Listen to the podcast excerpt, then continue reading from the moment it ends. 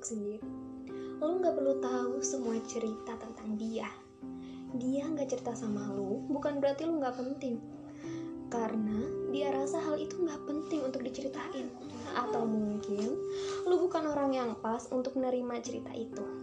Atau lu adalah sumber di mana cerita itu dilahirkan. Semua orang punya titik nyaman yang berbeda untuk sekedar menyandarkan